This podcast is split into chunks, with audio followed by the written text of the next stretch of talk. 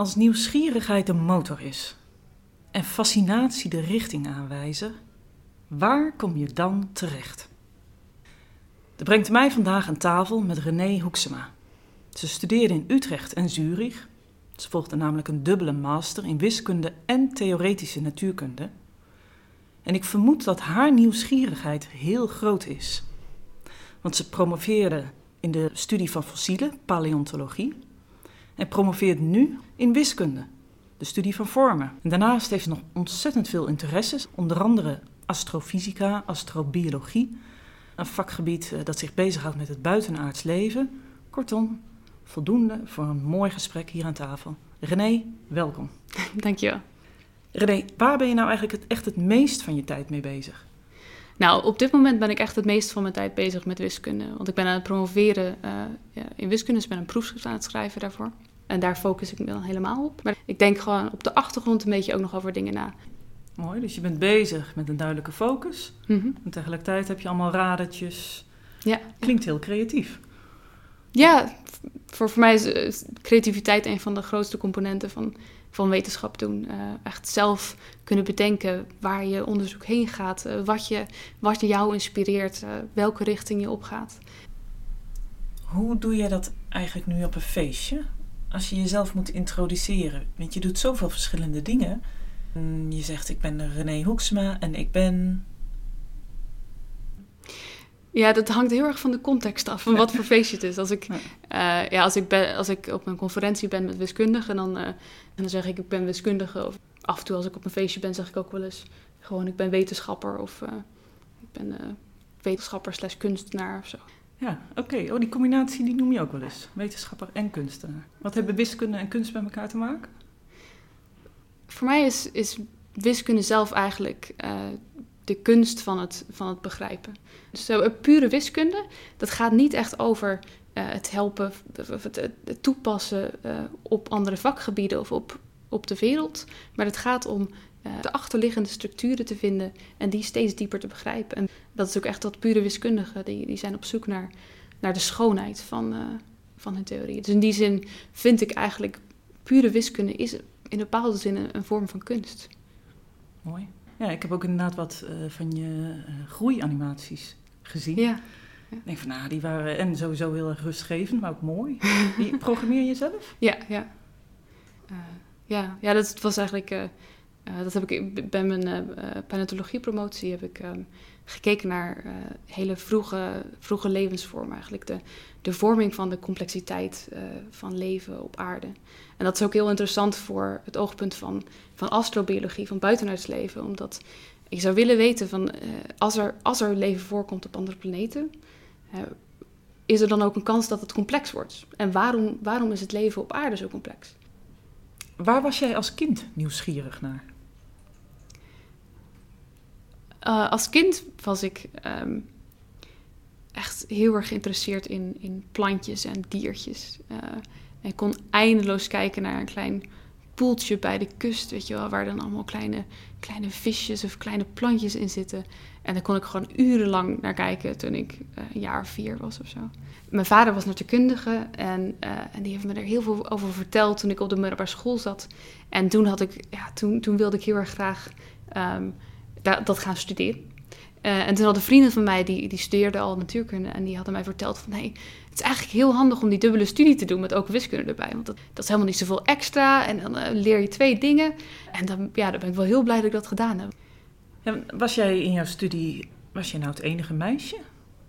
Nee, er waren, er waren best wel een aantal uh, meisjes. Maar achteraf gezien denk ik van... ah, het was toch wel handig geweest als ik wat meer rolmodellen had gehad. Uh, want ik had eigenlijk, te, ook toen ik klaar was met studeren, had ik nog nooit een vrouwelijke wiskundige professor, zeg maar, ontmoet. En toen ik aankwam in Oxford, uh, en toen ontmoette ik daar mijn begeleidster van, van nu, uh, die echt een, een super beroemde vrouwelijke wiskundige is.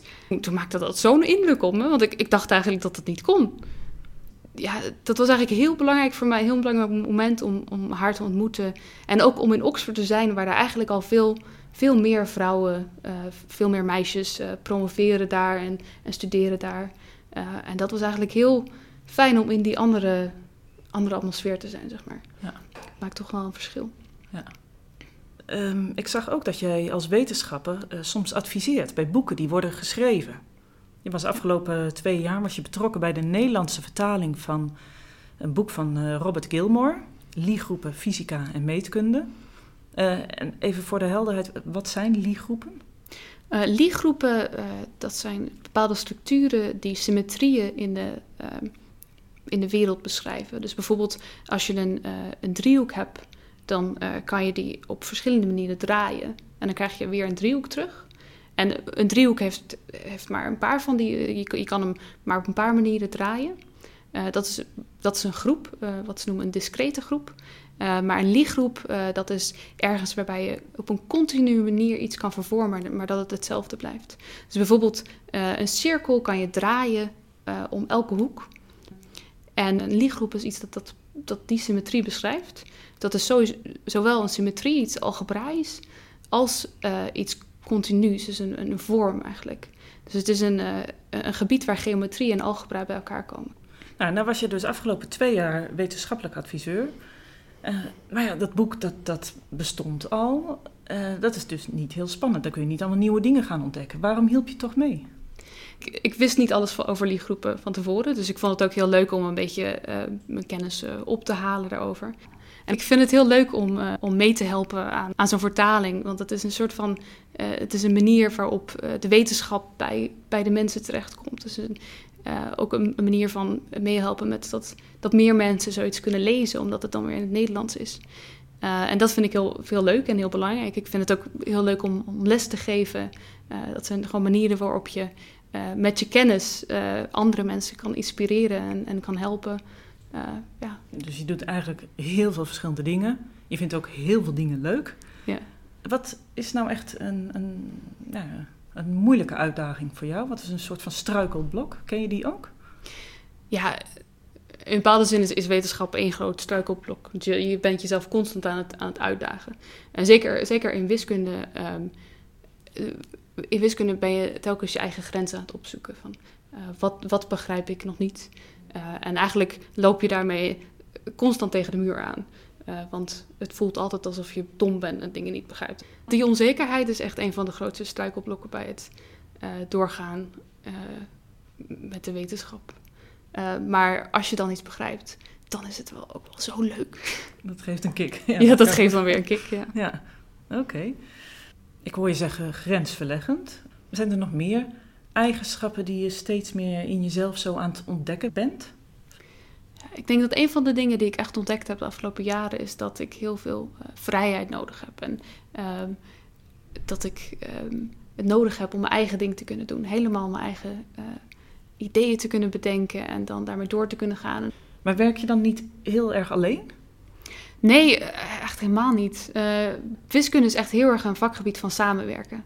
Uh, dus ik, ik, praat heel veel met mijn collega's. Uh, het is heel belangrijk om eigenlijk dingen aan iemand anders uit te leggen voordat je ze zelf kan begrijpen. Dus heel vaak zit, zitten mensen bij elkaar op de kamer en dan zitten ze voor, het whiteboard of blackboard uh, zijn ze te schrijven en staan ze elkaar uit te leggen waar ze op dit moment mee aan het denken zijn. En af en toe heb je echt nodig dat, dat je iemand anders hebt om tegen, tegen, tegenover te staan, om tegen te praten. zoals, zoals, zoals muzikanten moeten optreden om. Um, om publiek te krijgen, om fans te krijgen. Zo gaan wiskundigen uh, geven seminars, uh, praatjes bij andere universiteiten. En dat is heel belangrijk, want pas als je iets zorgvuldig voor iemand uitlegt, terwijl iemand erbij is, dan uh, kan iemand ook echt geïnspireerd raken van jouw werk. Zijn, zijn er nog meer steekwoorden waarvan jij zegt van, oh ja, dat, zulke soort dingen passen nou echt bij mij? Grensverleggend, nieuwsgierig, ja. creatief. Maar wat voor mij persoonlijk belangrijk is, is ook rust, je hart volgen, to toewijding uh, aan, uh, aan die inspiratie. Ja, iets anders dat heel belangrijk is voor mij als inspiratie is, is de natuur. Um, ik heb altijd al heel erg gehouden van, van natuur. Niet alleen om het te bestuderen, maar ook om in de natuur te zijn. Um, om deel van de natuur te zijn. Kun je een voorbeeld noemen dat je iets uit de natuur tegenkwam wat jou weer hielp in je werk?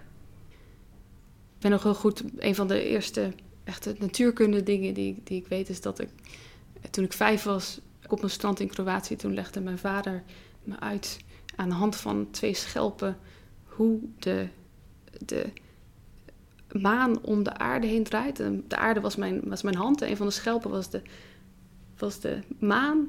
En dat ging dan samen om de zon. Dat was de andere schelp. Dat weet ik nog heel goed. Dat is een van de grote inspiratiemomenten van...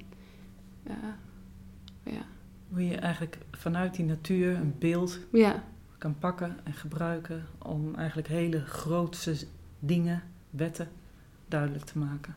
ja precies. Ja. Een laatste vraag. Als jij weer terug in de tijd zou kunnen gaan en je moet kiezen welke richting je opgaat, welk advies zou jij jezelf dan geven? Ik denk als ik het weer zou moeten doen, dat ik alles precies zo hetzelfde zou doen. Alleen, ehm, ik denk heel vaak terug, dan denk ik, had ik mezelf maar kunnen vertellen wat ik allemaal wel niet zou kunnen doen. Want er waren zoveel geweldige kansen later. En, en eh, als ik dat had geweten, dan eh, had ik vast met eh, iets meer zekerheid de toekomst aan kunnen gaan. Dus iets dat ik aan mezelf zou- zeggen is, je kan het allemaal. Allemaal. Eh, je kan gewoon vergaan. Je kan ervoor gaan. Nou, dat vind ik een mooie afsluiten. Dankjewel René. Graag gedaan. En dank jullie wel voor het luisteren. Ik hoop dat je net als ik weer een dosis fascinatie hebt kunnen voelen. Volg die fascinatie en laat de motor van nieuwsgierigheid volop draaien. En wie weet wat er dan gaat gebeuren.